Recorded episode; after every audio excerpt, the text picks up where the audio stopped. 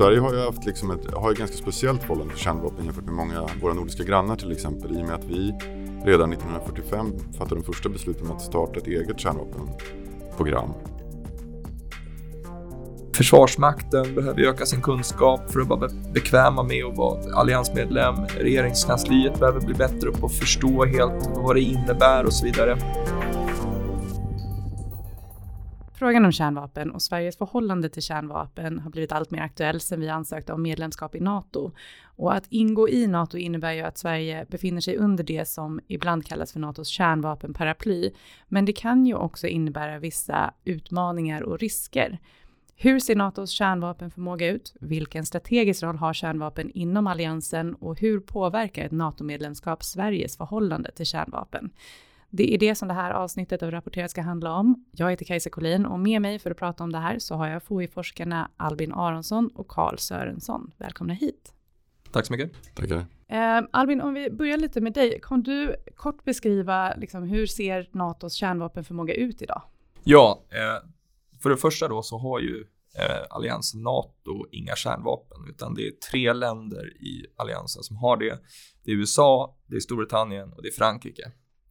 Eh, och eh, om man börjar då med USA eh, så har USA eh, en, en triad av leveranssystem, alltså hur man levererar själva vapnet till målet. Och det är någonting som man då kan börja med att särskilja. Det är markbaserade robotar, eh, det är flygplan och det är ubåtar. Eh, Storbritannien har bara ubåtar och Frankrike har flygplan och ubåtar. Eh, sen så delar då USA kärnvapen med alliansen eh, och har placerat de här substrategiska eller icke-strategiska vapnen i Europa i flera länder, vilket NATO är inte öppet med vilka länder som har dem placerade där, men de är under amerikansk kontroll hela tiden. Och sen har de här länderna flygplan som då kan leverera de här vapnen till ett motståndarmål om en sådan situation osannolikt skulle uppstå helt enkelt. Det man kan tillägga är väl att eh, det Albin pratar om, den här triaden som USA har, det betyder att man kan man har en viss eh, flexibilitet i sitt eh, kärnvapensystem. Så att, säga. att du kan både skjuta från, från marken, eh, du kan använda dig av dina ubåtar och flygplan. Det gör att du dels då har den första säga, slagförmågan som är de här markbaserade som finns i silos, Eh, framförallt i centrala USA. De är de som man liksom satsade mest på kanske under eh, 60-talet som var till för att liksom, det stora kärnvapenkriget. Eh, när man utvecklade bra kärnvapen för att skjuta från ubåt då fick man ju också det som kallas för andra slags förmåga. Och det gjorde att i någon mening så dämpade det lite konfliktnivån under kalla krigets första del. Där man var rädd för en liksom, överraskningsattack eller uh, surprise attack som de liksom, officiellt kallar det för. Att någon bara sköt iväg alla sina kärnvapen för att slå ut motståndaren helt och hållet.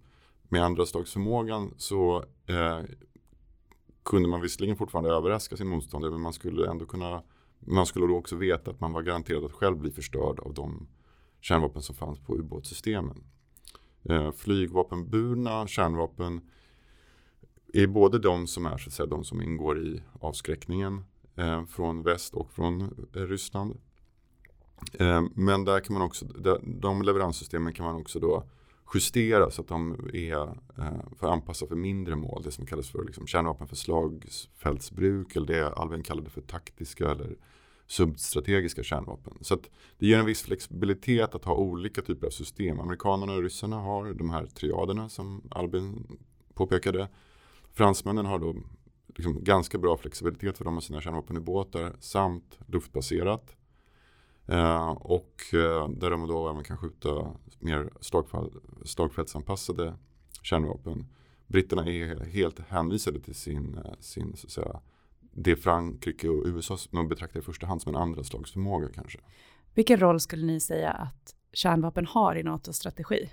Ja, alltså det enkla svaret är att kärnvapen är det yttersta verktyget i NATOs avskräckningsstrategi.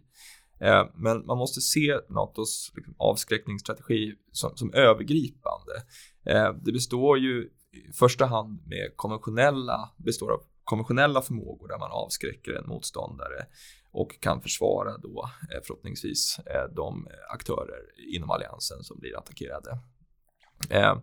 Men det, det är viktigt att komma ihåg att kärnvapen är komplicerat att tala om för man kan se det på två sätt. Att eh, på kanske sent 40 och 50-tal så såg många det som ett ännu ett vapen i arsenalen så att säga. En stor bomb som gör omfattande förstörelse. Men det är ju problematiskt att tala om det så sätt för att just det förstör så väldigt mycket. Så det andra spåret som är etablerat idag, det är att det är ett unikt och defensivt vapen som man absolut inte ska tala om som ytterligare ett vapen i arsenalen. Men som, jag, som NATO ser det idag, det är att man kommer att fortsätta vara en nukleär allians så länge alla andra de stora aktörerna då, Kina, Ryssland och så vidare har eh, kärnvapen. Eh, och man bibehåller den här förmågan för att kunna avskräcka och visa helt enkelt att vi har eh, möjlighet att försvara med kärnvapen om ni skulle hota om eller använda det helt enkelt. Det man kan tillägga är väl också att NATO försöker tänka kring sin avskräckningsförmåga och sin strategi på lite olika sätt. Där man dels talar om den generella avskräckningen som är den som pågår 24 timmar om dygnet, eh, 365 dagar om året.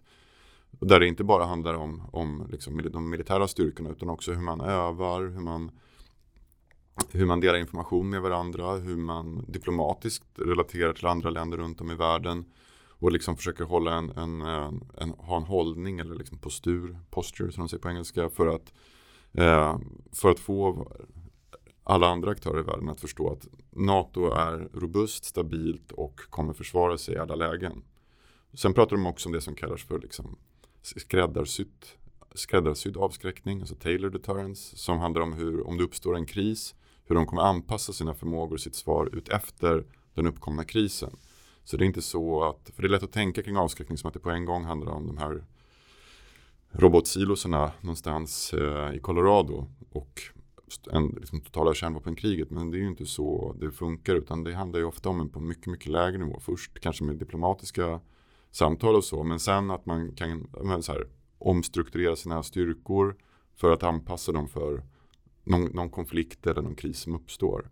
Och sen, och sen den tredje steget är det de kallar för omedelbar avskräckning som handlar om när det redan är en kris. Att säga, status quo har förändrats, någonting har hänt.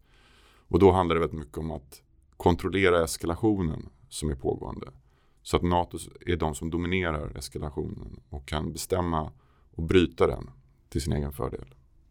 Vad kan man säga om de externa hoten som de ser ut idag? E-, efter det kalla kriget, eh, när Sovjetunionen eh, föll samman så att säga, eh, då har ju USA och de andra NATO-länderna väldigt systematiskt jobbat för att minska rollen som kärnvapen spelar i internationell politik och inklusive i de här ländernas strategi. men under de senaste åren så har Ryssland har alltid liksom prioriterat sina kärnvapenstyrkor, eh, men under de senaste åren så har man ju hört ett, hört ett tonläge från eh, presidenten i Ryssland, då, Vladimir Putin, om att han insinuerar eller kanske till och med hotar direkt om att man skulle kunna använda kärnvapen för att försvara sina nyligen så kallade annekterade, alltså illegalt annekterade territorier i Ukraina.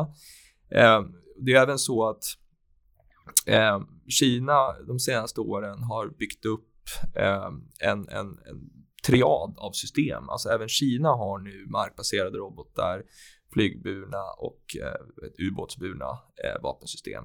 Eh, och det här komplicerar ju då västländernas liksom, sökan att försöka minska rollen, för man vet inte riktigt, håller Kina eventuellt på att ändra sin doktrin? Var, varför bygger de upp så här många stridsspetsar? Och så vidare. Men, att, men att prata om något generellt hot, det, det, det kan man bara spekulera om eh, i, i ett sånt här format så att säga. Eller om Karl kanske vill tillägga något. Nej, nej, men jag, jag håller helt med. Alltså det, det man möjligtvis kan göra är att ge ytterligare lite bakgrund i bemärkelsen att storleken på kärnvapenarsenaler spelar roll. Därför att det det handlar om i grunden, framförallt under kalla kriget, var ju att du skulle kunna åsamka din motståndare förödande förluster. Och det gjorde att, att din motståndare skaffade sig motsvarande arsenal för att kunna åsänka dig exakt eller ännu mer förluster. Och det där gjorde ju att det blev en, det här äh, en kapprustning om. Där man skaffade sig egentligen eh, arsenaler som var långt över vad man någonsin skulle kunna behöva. Du skulle kunna Alltså bomb, vissa, vissa sådana här, så här targeting-processer där, där räknar de ju trippla eller kvadrupla träffar på samma mål i princip. Det, var, det, det blev liksom en, en, matematik som inte, som inte egentligen hade rim eh, reson. Även om du ville ödelägga ett område så behövde du inte ödelägga det fyra gånger om så att säga. Och det där har man sen justerat ner. Men då har man alltid justerat så att man har lika många på båda sidor. Mellan Ryssland och USA. Om Kina nu som har haft lägre nivåer på sin arsenal som är motsvarat kanske Frankrikes, runt 300 stridsspetsar. Om de nu vill upp till den nivån som USA ligger på och Ryssland ligger på som är mer 1600-1700 stridsspetsar som är aktiva. Då skapar det ett, ett, så att säga, ett förmågeproblem för, för USA framförallt. För att då är frågan, ska de då matcha Kina och Ryssland? Och skaffa ytterligare 1700 stridsspetsar. Så då får de 3400 stridsspetsar. Då kommer de ha en dubbel förmåga gentemot Ryssland eller gentemot Kina. Vilket kan få Ryssland och Kina att vilja rusta upp också. Så det är därför det finns en, en aspekt på den här nya situationen som uppstått i och med kriget i Ukraina och att Kina flyttat fram positionerna. Det är ju att vi kan få en ny kapprustning.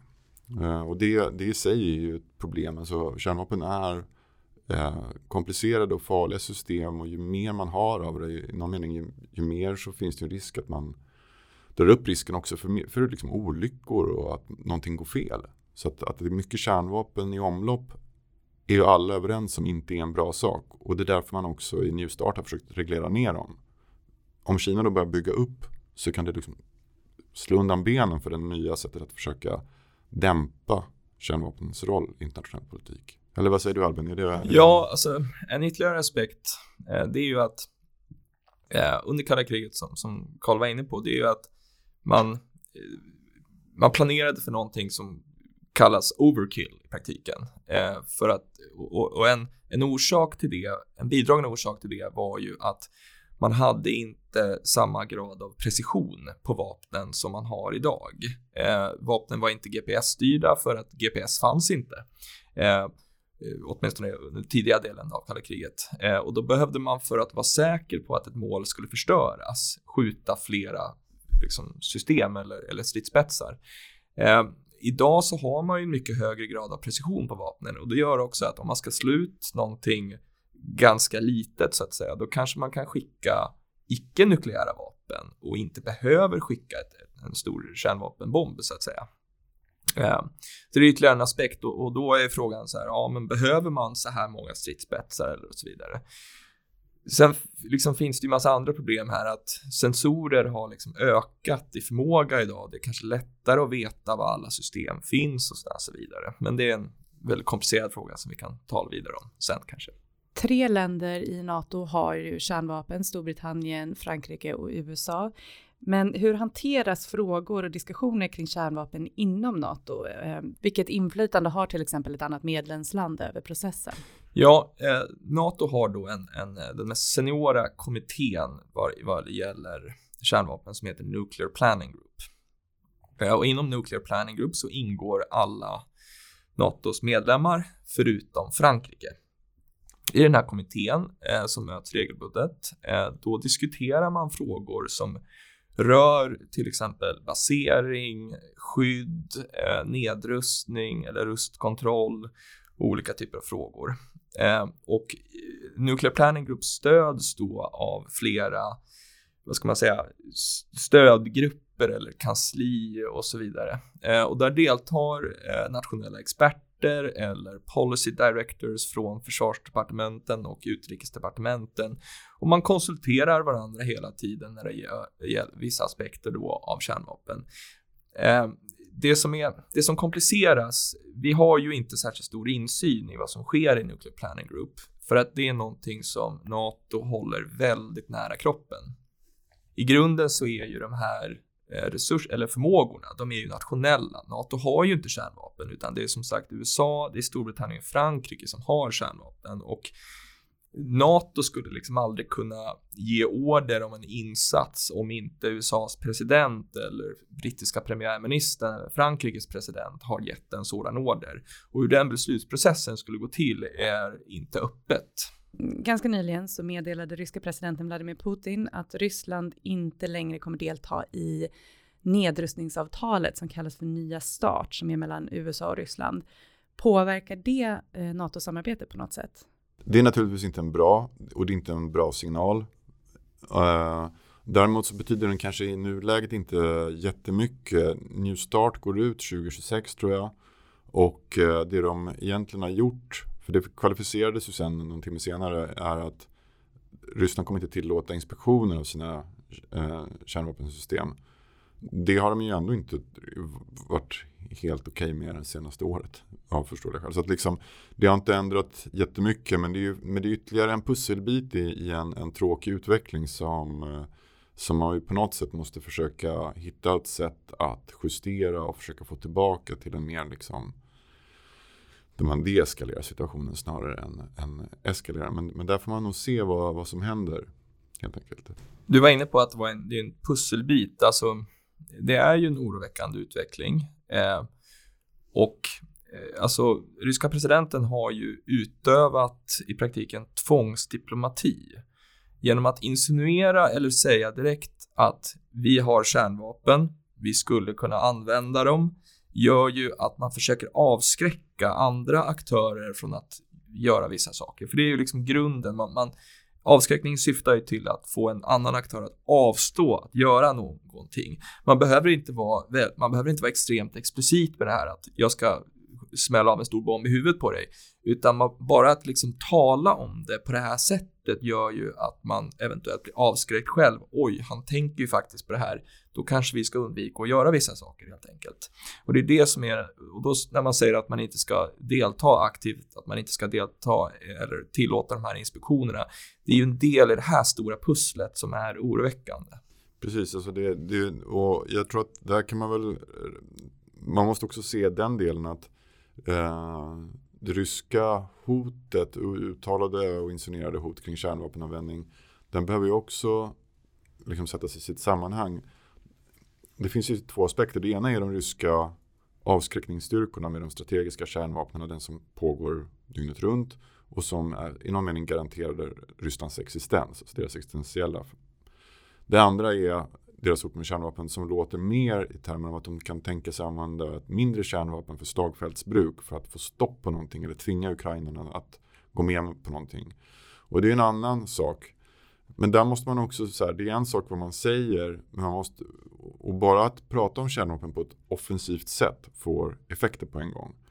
Samtidigt bör man komma ihåg att det är inte så många som egentligen har intresse av att Ryssland använder några kärnvapen just nu. Eh, Kina vill inte det, därför att det skulle skicka signalen till Taiwan till exempel. Då behöver de skaffa det för att hålla Kina borta. Eh, Vietnam, andra länder i Sydostasien som tycker Kina är, är besvärande kommer börja söka den vägen kanske. Det är Kina absolut inte intresserad av. Eh, USA och NATO och Frankrike och Storbritannien kommer, vill absolut inte se det heller. För de vet, de vet att det är en så pass allvarlig sak att överväga att då måste de markera och de måste markera hårt. Eh, så det där skulle dra igång en dynamik som inte skulle vara gynnsam för någon egentligen. Och det där är Ryssland medvetna om. Eh, därför måste man också se att de hoten, de behöver de uttala just i någon mening för att ge typ av skydd och en varningssignal kring, till att inte gå för långt. Men samtidigt har ju NATO och väst och andra länder har ju hjälpt Ukraina med ganska omfattande militärt bistånd.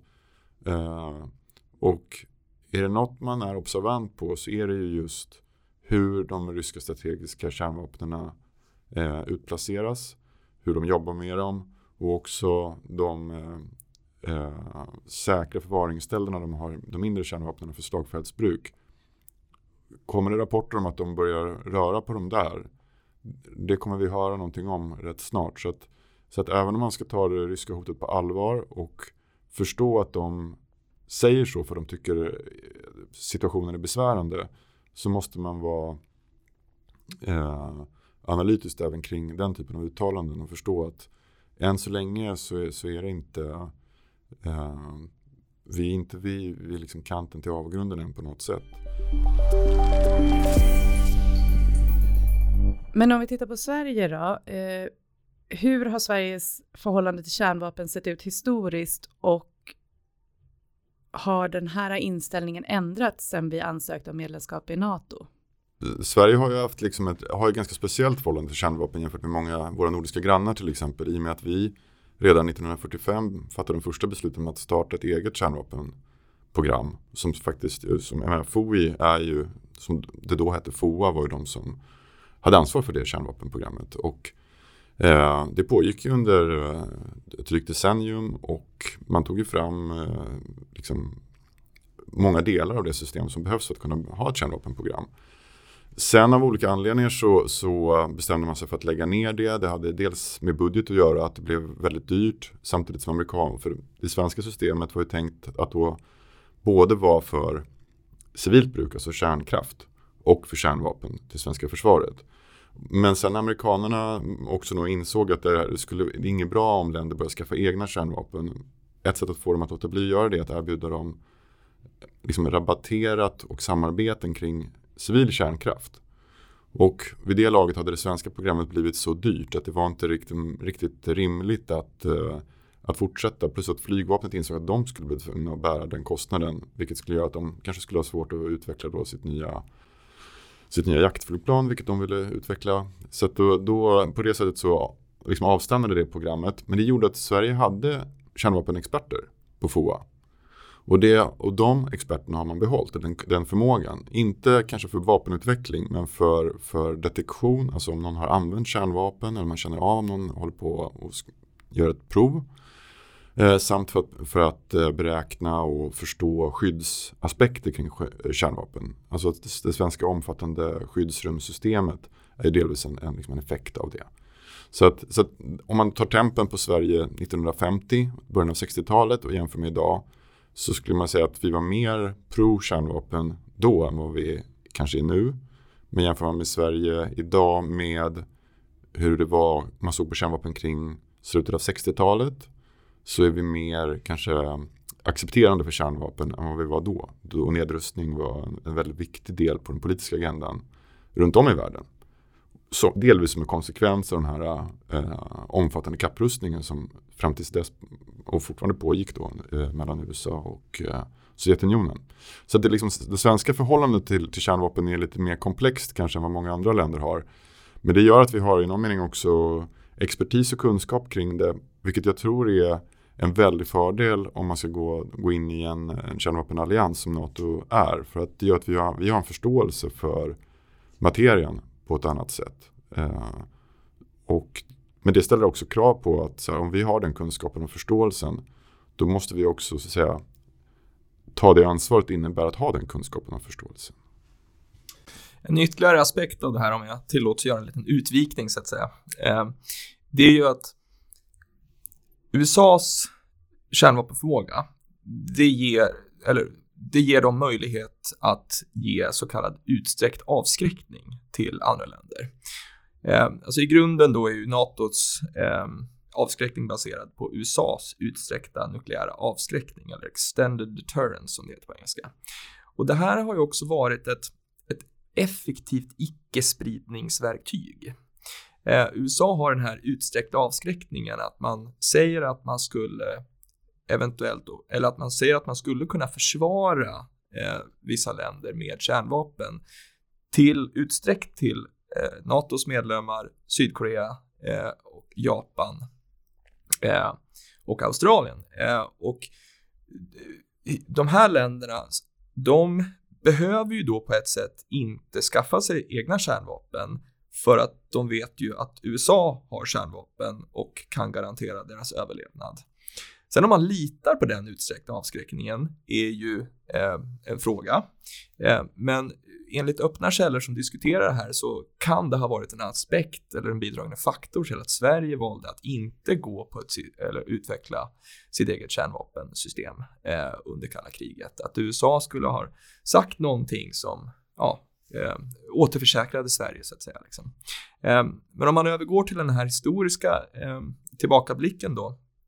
Eh, sen under kalla kriget som Karl var inne på så växte ju en väldigt stor nedrustningsdebatt eh, i Sverige och det fanns väldigt många tongivande aktörer som ja, ville att eh, aktörerna då, framförallt då USA och Ryssland, eller Sovjetunionen då, eh, skulle kraftigt eh, dra ner sina arsenaler och så vidare. Och det här har ju fortsatt efter att kalla kriget slutade och eh, för några år sedan då så ville ju utrikesdepartementet, eh, främst då den dåvarande utrikesministern Margot Wallström, att Sverige skulle skriva på ett avtal, eh, någon slags normvärdering i, i, i världen om att kärnvapen skulle avskaffas. Eh, till slut var det ju så att Sverige inte skrev under det här avtalet eh, och det är ju på grund av att NATO är en nuklear allians och sannolikt så ville Sverige då hålla dörren öppen till att eventuellt kunna gå med i NATO, även om vi inte hade kommit så långt i processen då helt enkelt. Eh, och idag så, så säger ju regeringen väldigt tydligt, den förra regeringen och den nuvarande regeringen, att man stödjer NATOs doktrin, man accepterar att NATO är en nukleär allians och kommer fortsätta vara det eh, under överskådlig framtid åtminstone. Du har nyligen publicerat en text där du går igenom en del av förutsättningarna och där skriver du bland annat att NATO-medlemmar måste stödja NATOs gemensamma doktrin för kärnvapen och vidta åtgärder som stärker den politiska och militära trovärdigheten för alliansens avskräckning. Kan du berätta lite mer vad det innebär? Man behöver gå tillbaka till grunderna lite i, i kärnvapenavskräckning och enligt NATOs syn på området så är det ju så att avskräckningen, nukleär avskräckning består av liksom tre aspekter här och det är, det är trovärdig förmåga, eh, det är trovärdiga hot eh, och sen så lägger NATO till då att det ska, det ska kommuniceras också, eller kommunikation. Eh, och Sverige behöver ju på olika sätt bidra till alla de här tre pelarna så att säga. Självklart har inte Sverige egna kärnvapen, eh, men däremot så skulle man kunna tänka sig att Sverige deltar i någonting som heter SNOWCAT och det står för Support of Nuclear Operations with Conventional Air Tactics. För att NATOs kärn, eller eh, USAs kärnvapen som man delar med NATO, eh, de är ju flygburna eh, och, och, varje år så genomför NATO eh, kärnvapenövningar eh, och en av dem heter så kallad Steadfast Noon där man flyger med flygplan, eh, där man sätter på simulerade vapen på, på flygplanen.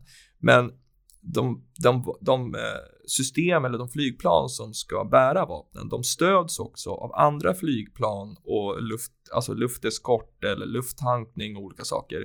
Och där deltar ju många fler länder i NATO i den här övningen än de, än de länderna som har eh, så kallade dual capable aircraft eller då flygplan som kan bära kärnvapen. Eh, sen så finns det andra saker, man, eh, man behöver säkra kommunikationskanaler, man deltar ju då i, eh, Eh, vi kommer att delta i Nuclear Planning Group om vi nu blir medlemmar. Eh, och sen måste man kommunicera att man stödjer NATOs doktrin om kärnvapen och det är därför regeringen är väldigt tydlig att man uttrycker det på Folk och Försvar och i olika fora och så vidare. Så att Sverige behöver ju bidra till hela den här avskräckning, de här tre pelarna då i, i NATOs avskräckning. Det man kan säga är väl också att man ska komma ihåg att, att avskräckning, NATOs avskräckning och avskräckning generellt för den delen är ju inte bara kärnvapenavskräckningen. Och det som det betyder för Sverige innebär att man ska, om man är med i NATO och ska delta i NATOs avskräckning då är kärnvapendimensionen en del som kanske är den på ett sätt mest speciella delen. Den är ny för Sverige och det är precis det Albin sa. Det finns en räcka frågor Sverige behöver ta ställning till. Liksom. Hur ska man delta? Vad ska man stödja med? Eh, och så vidare. Men en annan och icke försumbar del är ju om man vill så att säga, undvika att det kommer till kärnvapenanvändning. Det handlar ju då om att ha ett robust konventionellt försvar också som passar alliansens syften.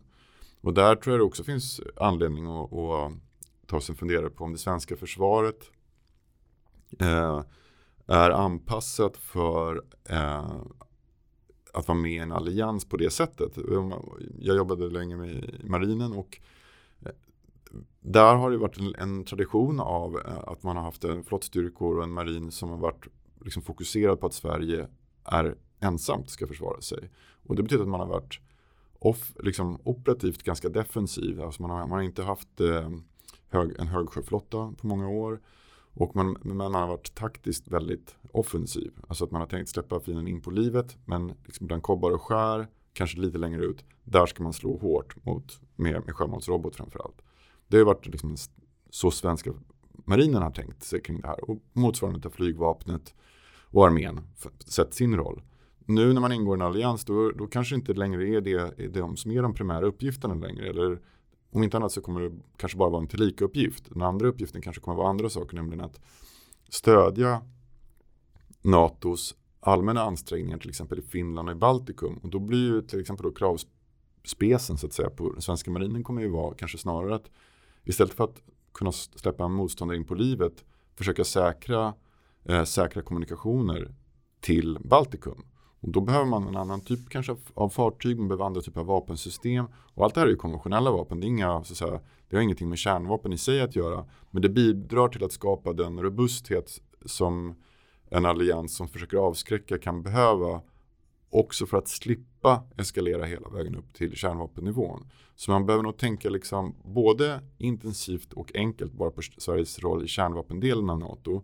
Men också kring hur svenska försvarsförmågor stödjer NATOs konventionella hela vägen upp till kärnvapen. Så att man får den här eh, koherenta synen på avskräckning. Så det inte är liksom styckevis och del. För det, det kan bli komplicerat eh, om, man, om man förhåller sig på det sättet. Du skriver också i den här rapporten att Sverige behöver öka sin kunskap och förmåga. Vad är det mer konkret vi behöver göra? Min personliga uppfattning är ju att eh, det, det har funnits eh, en viss en viss ängslan eh, om kärnvapen och med viss rätta. Men ett sätt att komma undan den, det är ju att lära sig mer och, och kunna förstå kärnvapnens roll i internationell politik. Och då skriver vi därför på FOI de här typerna av rapporter eh, och vi eh, försöker förmedla till eh, olika uppdragsgivare i, i Sverige om vad det innebär att, att delta i, i NATO eh, eller vara medlem i NATO och delta i kärnvapenavskräckningen på olika sätt. Eh, för att Sverige kommer ju sen ingå, om vi nu blir medlemmar, eh, kommer sen att ingå i den här Nuclear Planning Group och då förväntas ju vi sitta med, eh, delta och eventuellt då påverka vad alliansen tar för beslut om de här. Eh, det är ungefär som att vi, vi gick med i EU på 90-talet eh, och ju mer man vet om någonting, desto mer kan man påverka besluten helt enkelt. Man måste helt enkelt vara påläst och det här är ju då, det är flera aspekter här. Det är ju alltså FOI en del, Försvarsmakten behöver öka sin kunskap för att vara bekväma med att vara alliansmedlem. Regeringskansliet behöver bli bättre på att förstå helt vad det innebär och så vidare. Sen är det ju naturligtvis upp till politikerna att bestämma eh, vad Sveriges roll ska vara i alliansen. Men grunden är att man måste förstå vad det handlar om ordentligt. Man måste nästan bottna i frågorna Eh, innan man kan ta beslut som påverkar alliansen över under lång tid så att säga. Det här är ju ingenting som man kan ta ett beslut ena dagen och ett annat beslut andra dagen för att det påverkar under många år vad man tar för beslut helt enkelt. Ingen organisation är bättre än dess medlemmar och ju mer Sverige kan bidra till en liksom klok analys och eftertänksamt beteende ju bättre är det ju både för alliansen och för Sverige. Så därför behöver man ju liksom vi behöver, de pratar om en race to nuclear IQ, liksom att vi behöver bli lite, vi behöver förstå mer, vi måste förstå logiken på ett djupare sätt. Och det kommer behöva, för att det kommer, med hjälp av det kan vi också justera vårt beteende och våra förmågor. Och det kommer gynna svensk säkerhet och svenska intressen långsiktigt.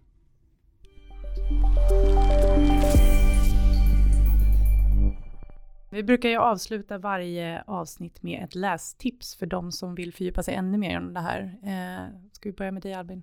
Ja, eh, måste då kvalificera det här och säga att eh, kärnvapen är ju eh, liksom väldigt välbeforskat eh, och min kollega här Karl har ju precis skrivit en avhandling om, om ämnet. Eh, så att det finns ju väldigt mycket och det beror ju då på vad man vill fördjupa sig i. Man kan fördjupa sig i de, i de fysiska aspekterna av själva stridsspetsarna och, och sprängkraft eh, och man kan fördjupa sig i beslutsteori och avskräckning då.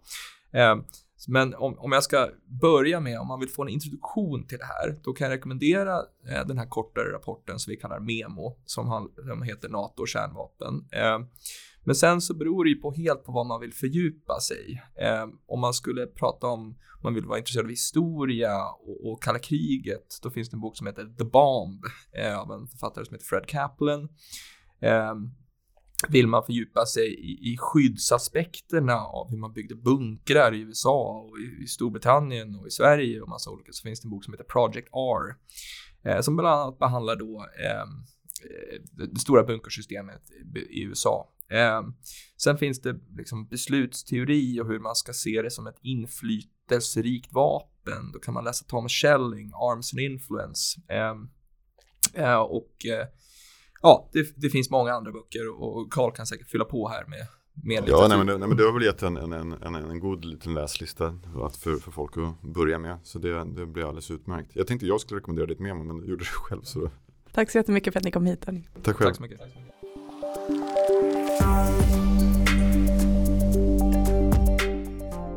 Du har lyssnat på Rapporterat, en podcast som produceras av Totalförsvarets forskningsinstitut med mig Kajsa Collin. Och i poddredaktionen sitter också mina kollegor Albert Hager Bernatz, Madeleine Förlander och Maria Hugosson Bygge.